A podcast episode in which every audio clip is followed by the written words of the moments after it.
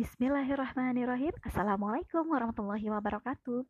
Hari ini Bunda ingin membacakan buku Muhammad Ismail buku yang kedua, dengan judul Istimewa Semenjak Belia, karya Bunda Ari Indriani. Selamat mendengarkan. Muhammad kecil kini hidup dengan paman Abu Talib yang sangat menyayanginya melebihi rasa sayang terhadap putranya sendiri. Paman Abu Talib bukanlah orang yang banyak harta. Bersama sang paman, Muhammad kecil belajar hidup sederhana, belajar berbagi dengan saudara-saudara sepupunya, dan belajar banyak hal lainnya. Paman Abu Talib melaksanakan amanah untuk merawat Muhammad kecil dengan sangat baik. 40 tahun lamanya, Paman Abu Talib mendampingi dan menjaga Muhammad dengan segenap jiwa dan raganya. Muhammad kecil dididik sejak kecil untuk bekerja keras mencari nafkah, membantu pamannya memenuhi kebutuhan Muhammad kecil dan juga keluarga paman Abu Talib. Keberkahan dengan hadirnya Muhammad kecil bahkan dirasakan oleh seluruh penduduk Makkah. Maka pernah tertimpa kemarau yang sangat panjang. Para pembesar Quraisy meminta paman Abu Talib untuk berdoa Beliau lalu membawa Muhammad kecil ke Ka'bah. Punggung mungilnya disandarkan ke Ka'bah dan atas izin Allah Subhanahu wa taala hujan pun turun membasahi kota Makkah.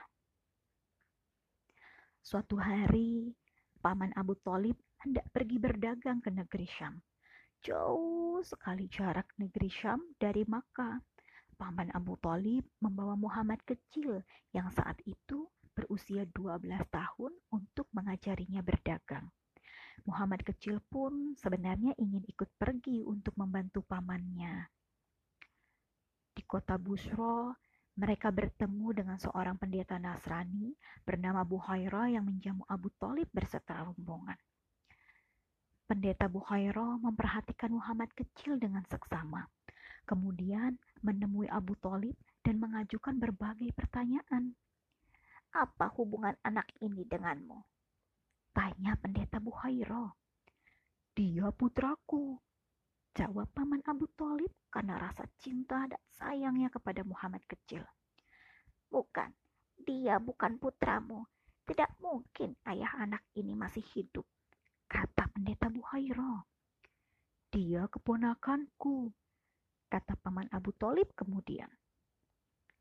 Apa yang terjadi kepada ayahnya? Tanya pendeta Buhairo lagi.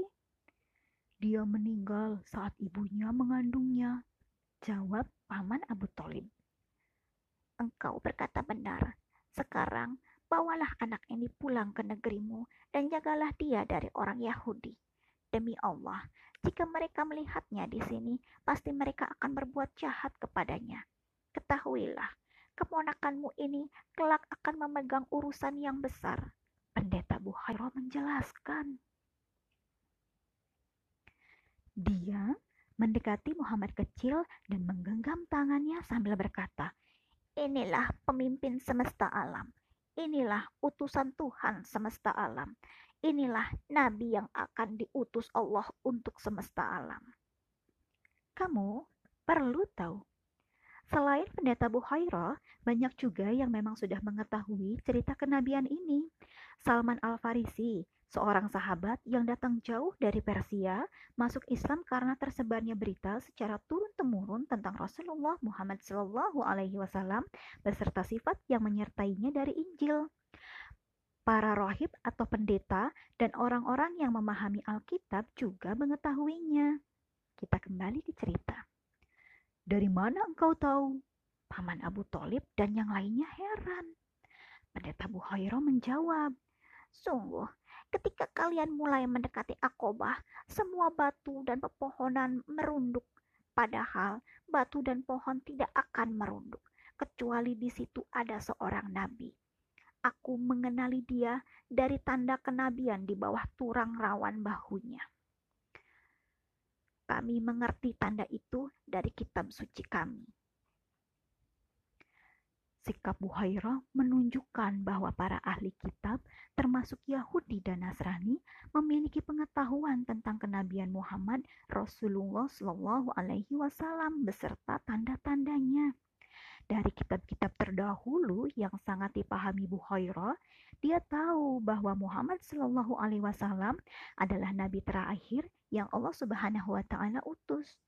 Butoli pun menuruti apa yang dikatakan pendeta Buhairah dan membawa pulang Muhammad kecil. Hari-hari selanjutnya dilewati Muhammad kecil dengan bekerja keras membantu keluarga pamannya. Dia menjadi pengembala domba dan mendapatkan upah. Kamu perlu tahu. Abu Hurairah meriwayatkan, suatu hari Nabi Shallallahu Alaihi Wasallam berkata, Tidaklah Allah Subhanahu wa taala mengutus seorang nabi melainkan dia pernah mengembala domba. Para sahabat bertanya, "Engkau juga wahai Rasulullah?" "Benar. Dulu aku mengembala domba milik penduduk Mekah dengan imbalan beberapa kirot." Jawab Rasulullah Shallallahu alaihi wasallam. Sekian cerita hari ini, kita lambung kita akan sambung lagi di cerita berikutnya. Wassalamualaikum warahmatullahi wabarakatuh.